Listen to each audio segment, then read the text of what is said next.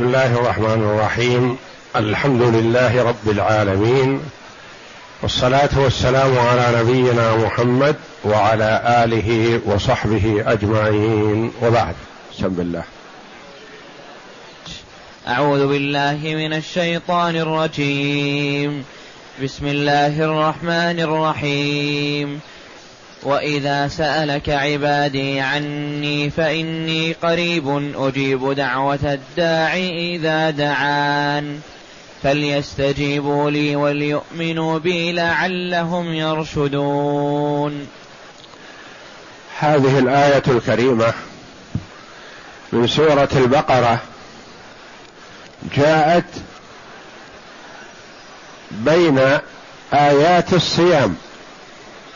قبلها قول الله جل وعلا شهر رمضان الذي أنزل فيه القرآن هدى للناس وبينات من الهدى والفرقان.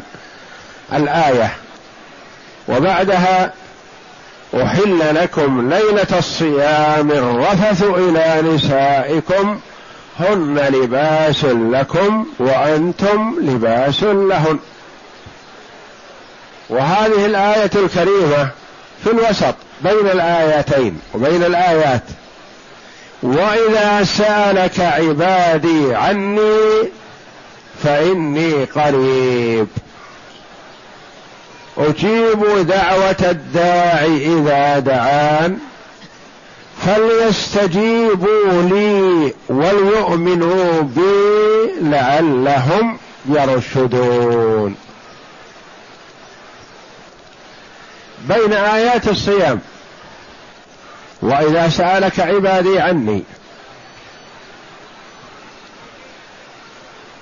لأهمية الدعاء والتضرع إلى الله جل وعلا.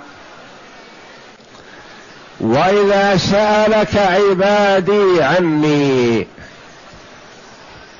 قيل أن لهذه الآية الكريمة سبب في نزولها.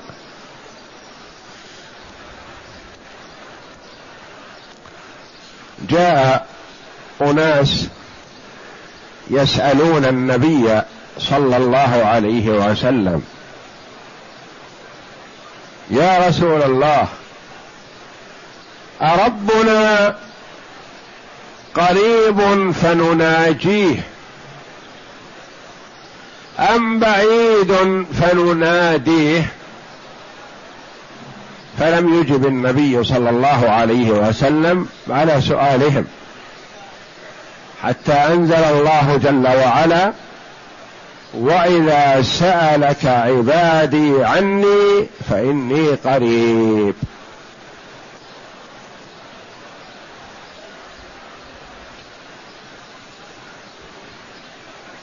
وإذا سألك عبادي عني من المعلوم أن القريب تناجيه. المناجاة هي المخاطبة سرا. والمنادات تنادي برفع الصوت. فالسائل يسأل عن ربه تبارك وتعالى هل ينادى أم يناجى فأجاب الله جل وعلا بقوله وإذا سألك عبادي عني فإني قريب. فهو جل وعلا قريب من عباده عموما وقريب من عباده المؤمنين خصوصا. فهو موصوف بالقرب من عباده عموما. قريب منهم قرب اطلاع وإحاطة وسماع وبصر. فلا تخفى عليه من أمورهم خافية. قريب جل وعلا من عباده المؤمنين بإجابة الدعاء والحفظ والكلاه والتوفيق والإلهام والهداية.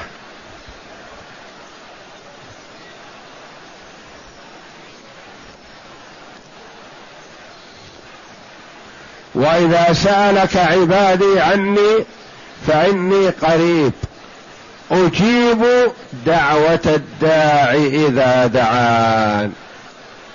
هذا وعد كريم من الله جل وعلا بإجابة الدعاء. قد يقول قائل كل دعاء مستجاب؟ نقول نعم. ما لم يدعو بإثم أو قطيعة رحم أو يكون الداعي واقعا في الحرام.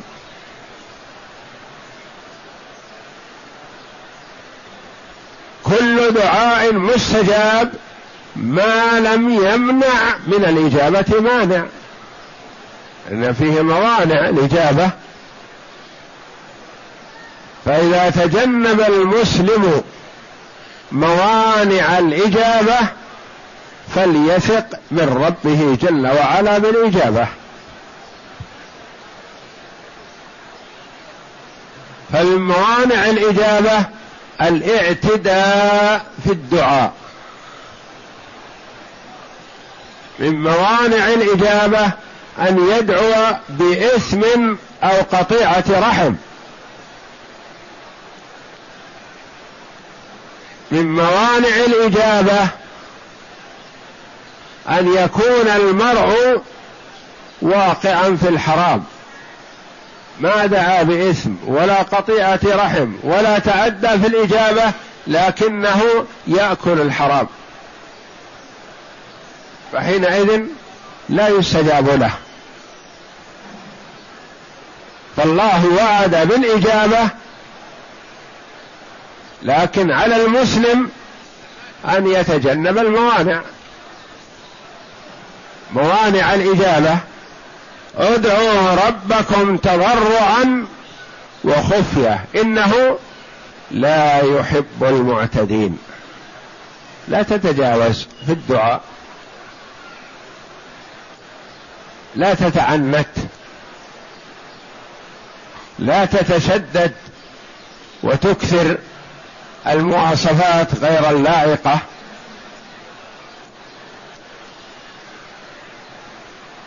لا تطلب شيئا لا يناسب لمثلك. شخص عادي مسلم يطلب منزلة فوق منزلة النبيين والمرسلين. هذا اعتداء في الدعاء. أحد الصحابة رضي الله عنهم سمع ابنه يدعو يقول اللهم إني يا ربي أسألك القصر الأبيض إذا دخلت الجنة على اليمين كذا ويصفه مواصفات. فقال يا بني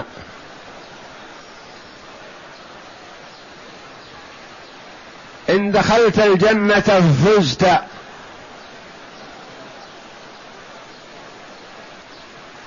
ولا تعتد في دعائك فإني سمعت النبي صلى الله عليه وسلم يقول لا يستجاب الدعاء في حال الاعتداء أو كما قال رضي الله عنه. يقول لا تشدد تسأل القصر الأبيض المنيف الكذا الطائل الواقع على يمين الداخل إلى الجنة. اسأل الله الجنة واستعذ به من النار. من موانع الدعاء الإجابة وقوع المرء في الحرام. سعد بن أبي وقاص رضي الله عنه يوصف بأنه خال النبي صلى الله عليه وسلم. وهو ليس بأخ لأمه وإنما هو من قبيلة الأم من بني زهرة من قبيلة أم النبي صلى الله عليه وسلم. فيقول النبي صلى الله عليه وسلم هذا خالي فمن يأتني بخاله؟ يفاخر به عليه الصلاة والسلام. سعد قال يا رسول الله ادعو الله أن يجعلني مستجاب الدعوة. قال يا سعد أطب مطعمك تكن مستجاب الدعوة. أطب مطعمك تكن مستجاب الدعاء. وليس المراد بالطيب الشهي اللذيذ وإنما المراد الطيب الحلال. تجنب المال الحرام والصحابة رضي الله عنهم أكثر الناس مسارعة إلى امتثال توجيهات النبي صلى الله عليه وسلم. فأخذ هذا الكلام اللي هو موجه له وللأمة قاطبة إلى أن يرث الله الأرض ومن عليها. فهو عليه الصلاة والسلام أعطي جوامع الكلم الكلام القليل المفيد فائدة عظيمة. ما كان جواب هذا لسعد خاصة وإنما للأمة من أولها إلى آخرها. سارع رضي الله عنه على امتثال توجيهات النبي صلى الله عليه وسلم فكان مستجاب الدعاء رضي الله عنه. إذا دعا على شخص رجل أو امرأة أصيب بدعوته مباشرة. لأنه لا يتعدى في الدعاء رضي الله عنه وأطاب مطعمه ما يأكل إلا الحلال. وتجنب الفتن والمشاكل رضي الله عنه. واعتزل عندما حصلت الفتن في قصره في المدينة رضي الله عنه. اجتنب الناس. فكان مستجاب الدعاء رضي الله عنه. إذا اعتدى عليه معتدي دعا عليه هلك. بدعوته كأنها سلاح فتاك.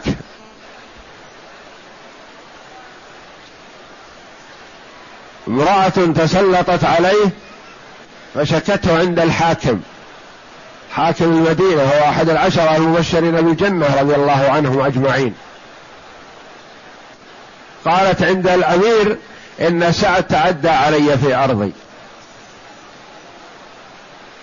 فأحضر سعد رضي الله عنه فسأله الحاكم تزعم أنك تعديت عليها؟ قال وكيف يليق بي أتعدى عليها؟ وقد سمعت رسول الله صلى الله عليه وسلم يقول من ظلم قيد شبر من الأرض طوقه من سبع أراضين يوم القيامة. اللهم إن كانت كاذبة فاعمي بصرها وامتها في أرضها. فأتى الله بسيل جارف فأخرج الأساس الفاصل بين سعد رضي الله عنه وهذه المرأة. فإذا هو بعيد عن أرضها. ثم فإذا بها تعمى يعمى بصرها. وإذا بها تمشي في وقت ما فسقطت في بئر من أبيار أرضها وهلكت فيه وكان قبرها. ما استطاعوا أن يخرجوها. ودعا على رجل تعرض له بسوء فقال اللهم أعم بصره وعرضه للفتنة. فعمي بصره وعرض للفتنة شديدة ابتلي بها ويقول شيخ فان ابتلي بدعوة سعد. يقول هذه دعوة سعد. سعد دعا علي. فهو رضي الله عنه طبق ما قال له النبي صلى الله عليه وسلم يا سعد أطب مطعمك تكن مستجاب الدعوة.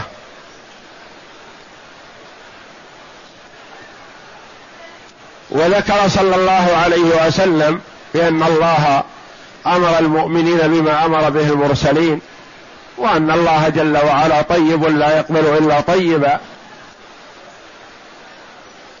ثم ذكر صلى الله عليه وسلم الرجل يطيل السفر أشعث أغبر يمد يديه إلى السماء يا ربي يا ربي قال عليه الصلاة والسلام ومطعمه حرام ومشربه حرام وغذي بالحرام فأنى يستجاب لذلك. بعيد أن يستجاب له. ومعه من مسببات الإجابة الشيء الكثير لكن معه مانع واحد عظيم. فإطالة السفر من أسباب الإجابة. المسافر مستجاب الدعاء. والشعثة والغبرة من أسباب الإجابة. رب أشعث أغبر مدفوعا بالأبواب لو أقسم على الله لأبره يمد يديه إلى السماء مد اليدين إلى السماء من أسباب الإجابة. لأن الله جل وعلا كما جاء في الحديث حيي كريم يستحي من عبده أن إذا رفع إليه يديه أن يردهما صفرا. تكرار الندى للرب الكريم من أسباب الإجابة. يا ربي يا ربي. كل هذه الأسباب معه لكن لما كان المطعم حرام والمشرب حرام والملبس حرام وغذي بالحرام قال عليه الصلاة والسلام فأنا يستجاب لذلك. فيستجاب للعبد ما لم يكن معه مانع من موانع الإجابة. ومن موانع الإجابة إساءة الظن بالله واليأس من إجابة الدعاء. هذا مانع من الموانع سوء الظن بالله لأن الله جل وعلا يقول أنا عند ظن عبدي بي فإن ظن بي خيرا فله وإن ظن بي غير ذلك فله. اليأس من رحمة الله ومن استجابة الله من كبائر الذنوب. إنه لا يأس من روح الله إلا القوم الكافرون. فعلى المسلم أن يتجنب أسباب عدم إجابة الدعاء ويأخذ بأسباب الإجابة بطيب المطعم والملبس والمشرب وأن لا يتناول الحرام وأن يبدأ دعاءه بالثناء على الله جل وعلا ويختمه بالصلاة على النبي صلى الله عليه وسلم ويوقن بالإجابة ويبشر بالإجابة. ثم إن الإجابة على أنواع.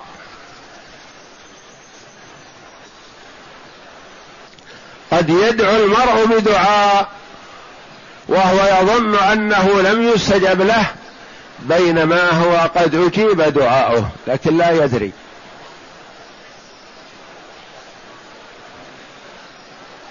والإجابة كما بينها النبي صلى الله عليه وسلم في الأحاديث إما أن يعجل الله للعبد دعوته. يعني يسأل ربه شيئا ما فيعطيه إياه. وهذا كثير والحمد لله. وإما أن يدفع عنه من السوء ما هو خير له.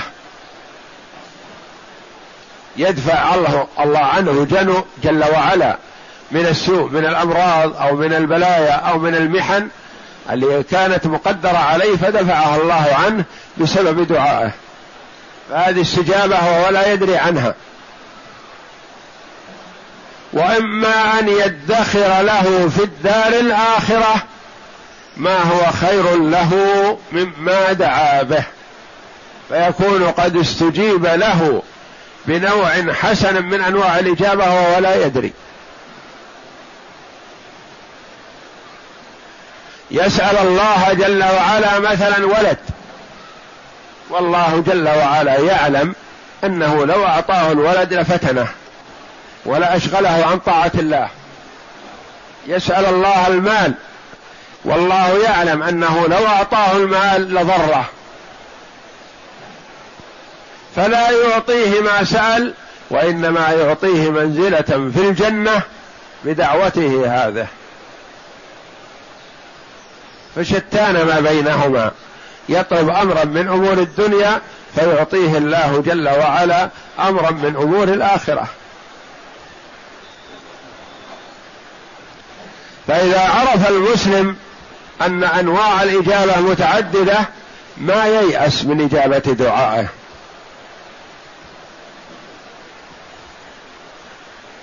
فالله جل وعلا يستجيب دعاء عبده ما لم يدعو بإثم أو قطيعة رحم ما لم يعجل ييأس.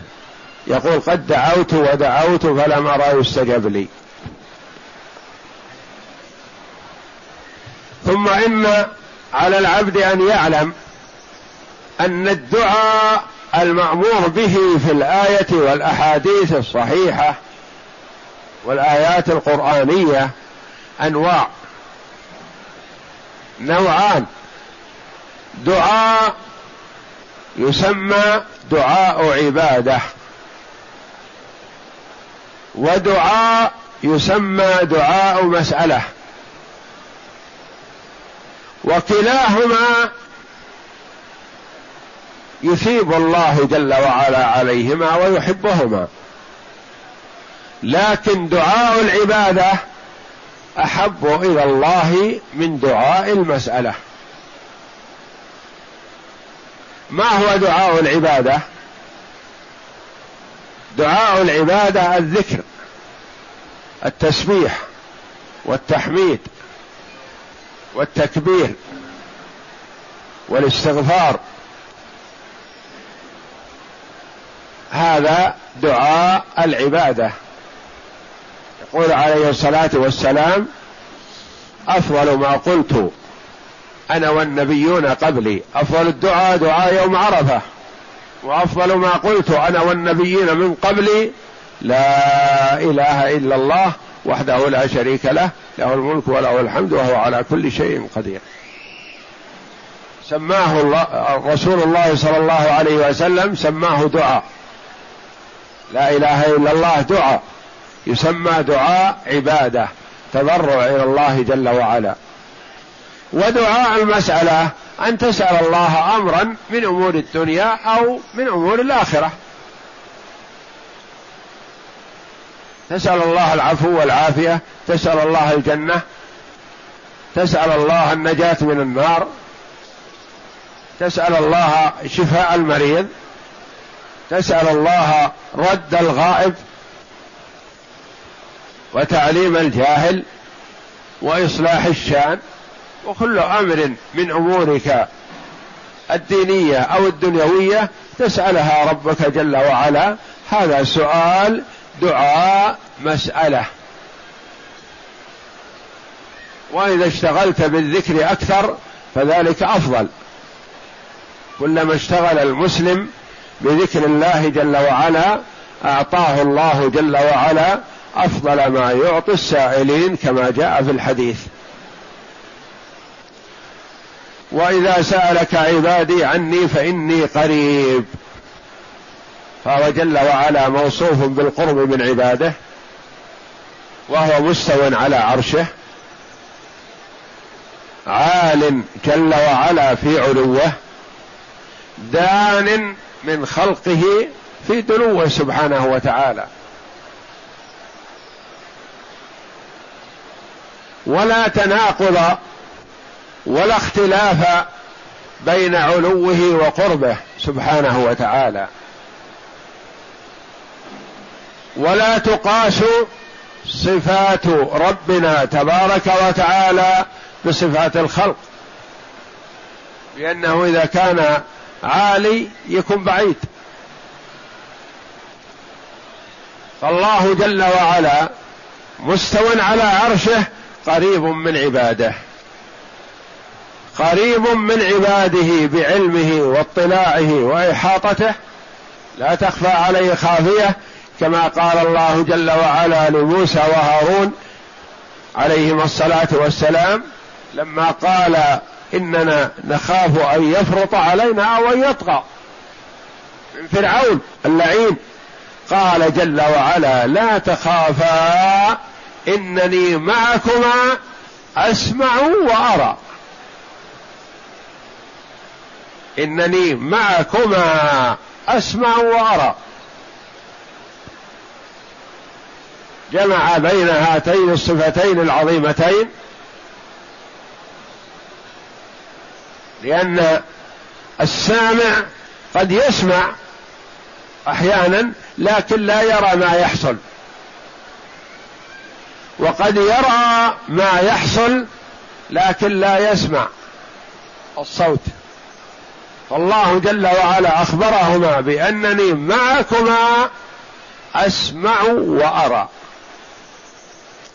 فإني قريب أجيب دعوة الداع إذا دعان. وعد كريم بالإجابة. فعلى المؤمن أن يوقن بهذا ولا يشك ولا يتردد.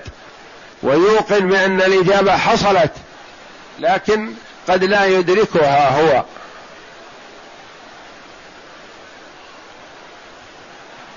فليستجيبوا لي. يستجيبوا لله. يمتثلوا أوامره ويجتنبوا نواهيه ويطيعوه فيما أمرهم به. وليؤمنوا بي الإيمان التصديق الجازم بوحدانية الله جل وعلا وألوهيته وربوبيته وصفاته جل وعلا صفات الكمال.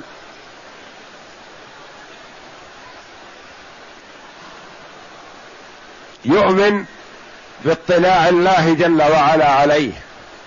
يؤمن بوحدانية الله جل وعلا وأنه واحد لا شريك له يؤمن بصفات الباري جل وعلا على حسب ما وصف به نفسه ووصفه به رسوله صلى الله عليه وسلم. فليستجيبوا لي وليؤمنوا بي لعلهم يرشدون. إذا آمنوا واستجابوا لله ودعوا الله جل وعلا رشدوا وسلموا من الإثم وسلموا من الضلالة وسلموا من الضياع. فيرشد المرء بامتثال أوامر الله واجتناب نواهيه. وفي هذه الآية الكريمة حث من الله جل وعلا لعباده على الدعاء. وبيان لقربه من عباده وأنه يسمع ويرى ما يصدر منهم ولا تخفى عليه خافية وهو جل وعلا أقرب إلى أحدكم كما جاء في الحديث من عنق راحلته. وكما قال الله تعالى ونحن أقرب إليه من حبل الوريد. اقرأ.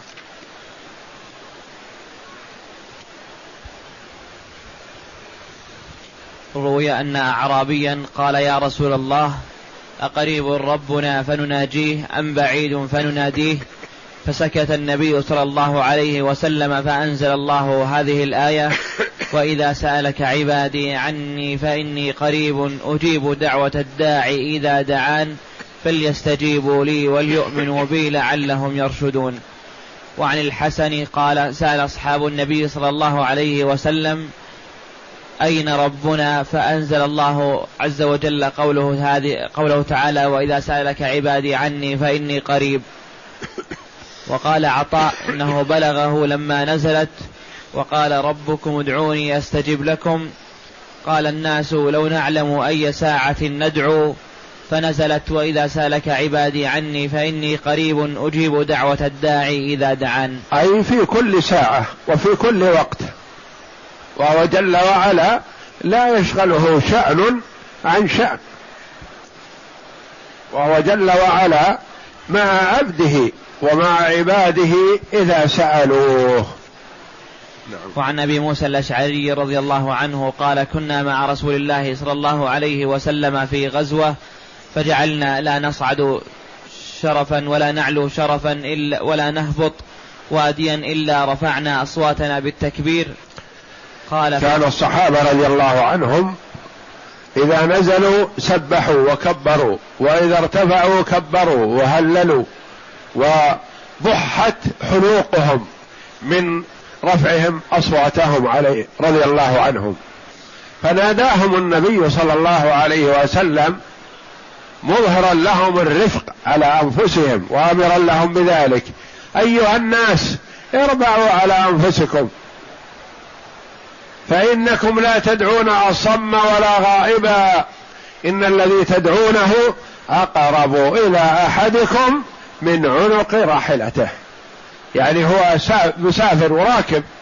والنبي صلى الله عليه وسلم يقرب الشيء للناس بحسب حالهم. هذا راكب على راحلته. أقرب شيء فإن الذي تدعونه أقرب إلى أحدكم من عنق راحلته. نعم. وعن أبي هريرة رضي الله عنه أنه سمع رسول الله صلى الله عليه وسلم يقول قال الله تعالى أنا مع عبدي ما ذكرني وتحركت بي شفتاه. قلت وهذا كله تع... وهذا كقوله تعالى إن الله مع الذين اتقوا والذين هم محسنون. وقوله لموسى وهارون عليهما السلام إنني معكما أسمع وأرى.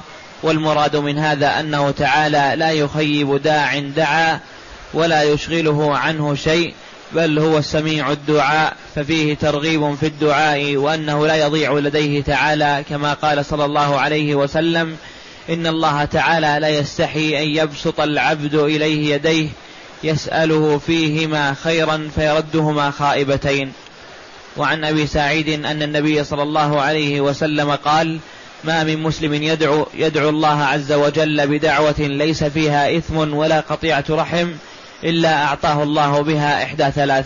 إلا أعطاه الله بها إحدى ثلاث. يعني قد يجيب دعوته وقد يعطيه ما هو خير له في الدار الآخرة وقد يدفع عنه من السوء في الدنيا ما هو خير له مما دعا به. والله جل وعلا أعلم بمصالح عباده. قد يدعو العبد ربه تبارك وتعالى ويسأله شيئا ما يضره. الله جل وعلا يعلم أنه يضره فلا يعطيه إياه. فهو أعلم جل وعلا بمصالح عباده. يعطيه ما له في خير ولا يعطيه ما يضره وإنما يعطيه ما هو خير له. نعم. إما أن يعجل له دعوته وإما أن يدخرها له في الأخرى وإما أن يصرف عنه من السوء مثلها. قالوا إذا نكثر قال الله أكثر. قالوا إذا نكثر يعني ما دام أنه ما من دعوة تذهب على الله إلا ولا بد أن يجيب بواحدة من ثلاث. إذا نكثر الدعاء. قال عليه الصلاة والسلام الله أكثر ما عند الله أكثر. الله جل وعلا لا يجوزه شيء ولا يتبرم بإلحاح الملحين وبسؤالهم. وكلما سئل أعطى جل وعلا. إنما أمره إذا أراد شيئا أن يقول له كن فيكون. وكما جاء في الحديث القدسي لو أن أولكم وآخركم وإنسكم وجنكم قاموا في صعيد واحد فسألوني فأعطيت كل إنسان مسألته. صور واحد يسأل مثل الدنيا عشر مرات. يعطيه الله جل وعلا. فأعطيت كل إنسان مسألته. ما نقص ذلك مما عندي إلا كما ينقص المخيط إذا أدخل البحر. فهل البحر ينقص بإدخال مخيط فيه؟ فما عند الله جل وعلا لا ينقص. إنما أمره إذا أراد شيئا أن يقول له كن فيكون. نعم. وروى مسلم عن أبي هريرة رضي الله عنه عن النبي صلى الله عليه وسلم أنه قال لا يزال يستجاب للعبد ما لم يدع بإثم أو قطيعة رحم ما لم يستعجل. قيل يا رسول الله. فإذا دعا بإثم دعا مثلا على مسلم ما يستحق هذه الدعوة. هذا إثم. يعني يدعو على من لا يستحق أن يدعى عليه ما يستجاب له في هذا؟ دعا بشيء فيه قطيعة رحم ما يستجاب له في هذا؟ إذا دعا بشيء هو معتد فيه مثلا دعا على مسلم لم يظلمه بشيء فلا يستجاب له في هذا لأن دعاءه هذا إثم. وهكذا يقول بعض الناس مثلا واحد يتسلط علي يدعو علي وأنا لم أظلمه بشيء. فيقول إنني أتأثر وأضيق ذرعا من دعائه. يقول ما يضيرك؟ ما يضيرك؟ ما دمت تعرف من نفسك أنك لم تظلمه. فأنت بريء من دعائه ولا يضيرك. إنما اتقي كما قال عليه الصلاة والسلام اتقي دعوة المظلوم. والله جل وعلا يرفعها فوق الغمام وتفتح لها أبواب السماء ويقول بعزتي وجلالي لأنصرنك ولو بعد حين. اتق دعوة المظلوم. وحذر منها عليه الصلاة والسلام معاذ بن جبل رضي الله عنه. لما بعثه على صدقات أهل اليمن وأمره أن يتحرى وأن لا يظلم أحد. ما يقول هو صاحب رسول الله صلى الله عليه وسلم وهو رسول رسول الله صلى الله عليه وسلم وهو الذي شهد له النبي صلى الله عليه وسلم بالخير. وقال أعلم أمتي بالحلال والحرام معاذ بن جبل. مع هذا وصاه النبي قال واتق دعوة المظلوم. وهذا من يباشر أموال الناس فهو حري بأن يحذر أن يظلم امرأ مسلم بشيء من ماله. واتق دعوة المظلوم. معاذ سيأخذ ما يأخذه لا لنفسه. وإنما هو للمسلمين وزكاة أموالهم التي افترضها الله جل وعلا عليهم. لكن يحذر يأخذ شيء زايد على ما افترضه الله عليه. إياك وكرائم أموالهم. إذا آتوك بأموالهم لتأخذ الصدقات فاحذر أن تأخذ الكريمة عند صاحبها الغالية النفيسة. هذه دعها له. لأن نفسه وخاطره متعلق بها ويريدها. وربما أخذتها فدعا عليك بأنك ظلمته. وإياك وكرائم أموالهم واتق دعوة المظلوم فإنه ليس بينها وبين الله حجاب. نعم. وقال صلى الله عليه وسلم القلوب أوعية وبعضها أوعى من بعض. فإذا سألتم الله أيها الناس فاسألوه وأنتم موقنون بالإجابة. فإنه لا يستجيب لعبد دعاه عن ظهر قلب غافل. وفي ذكره تعالى هذه الآية. القلب الغافل يعني كأن يكون الإنسان يدعو بشيء وهو غير منتبه لما يدعو.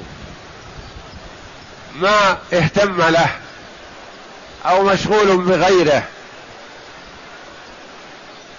فليدعو المرء وهو حاضر القلب وموقن من الله جل وعلا بالإجابة.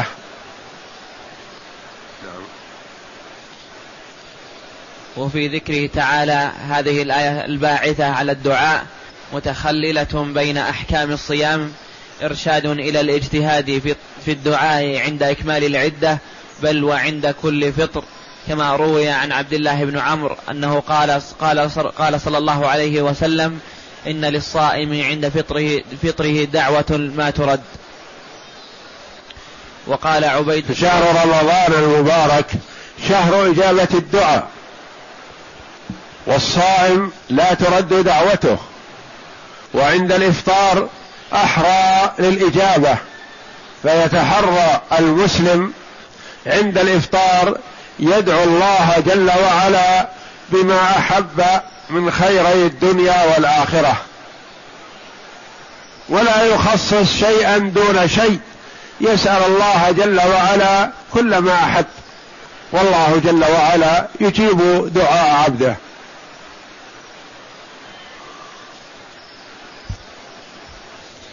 وقال عبد الله بن, أبي مليكة سمعت عن سمعت عبد الله بن عمرو يقول إذا أفطر اللهم إني أسألك برحمتك التي وسعت كل شيء أن تغفر لي. وعن أبي هريرة رضي الله عنه قال قال رسول الله صلى الله عليه وسلم ثلاث لا ترد دعوتهم الإمام العادل والصائم حتى يفطر ودعوة المظلوم يرفعها الله دون الغمام يوم القيامة وتفتح لها أبواب السماء ويقول بعزتي لأنصرنك ولو بعد حين ثلاثة لا ترد دعوتهم. من ولاه الله جل وعلا أمور المسلمين فعدل فحكم فيهم بالعدل ونصح لهم وحماهم عما يضرهم وحثهم على ما ينفعهم وحفظ لهم أموالهم وأمورهم. يستجيب الله جل وعلا دعاءه. الثاني الصائم حتى يفطر. يعني عند الإفطار وعند الصيام لأنه في عبادة. وقربه لله جل وعلا. الثالث المظلوم حتى وإن كان كافر. وإن كان فاسق وإن كان فاجر فالله جل وعلا ينصر المظلوم. ولا يجوز للمسلم أن يتعدى على امرئ لأنه كافر إلا في حال المحاربة. أما أن يكون الكافر مسالم أو ذا عهد أو أعطي أمان من ولي الأمر فيحرم التعرض له. فمن تعرض له ودعا عليه هذا المظلوم فالله جل وعلا يستجيب له. واتق دعوة المظلوم ايا كان حتى وإن كان كافر. اتق دعوة المظلوم فإنه ليس بينها وبين الله حجاب. والله أعلم وصلى الله وسلم وبارك على عبده ورسول نبينا محمد وعلى آله وصحبه أجمعين.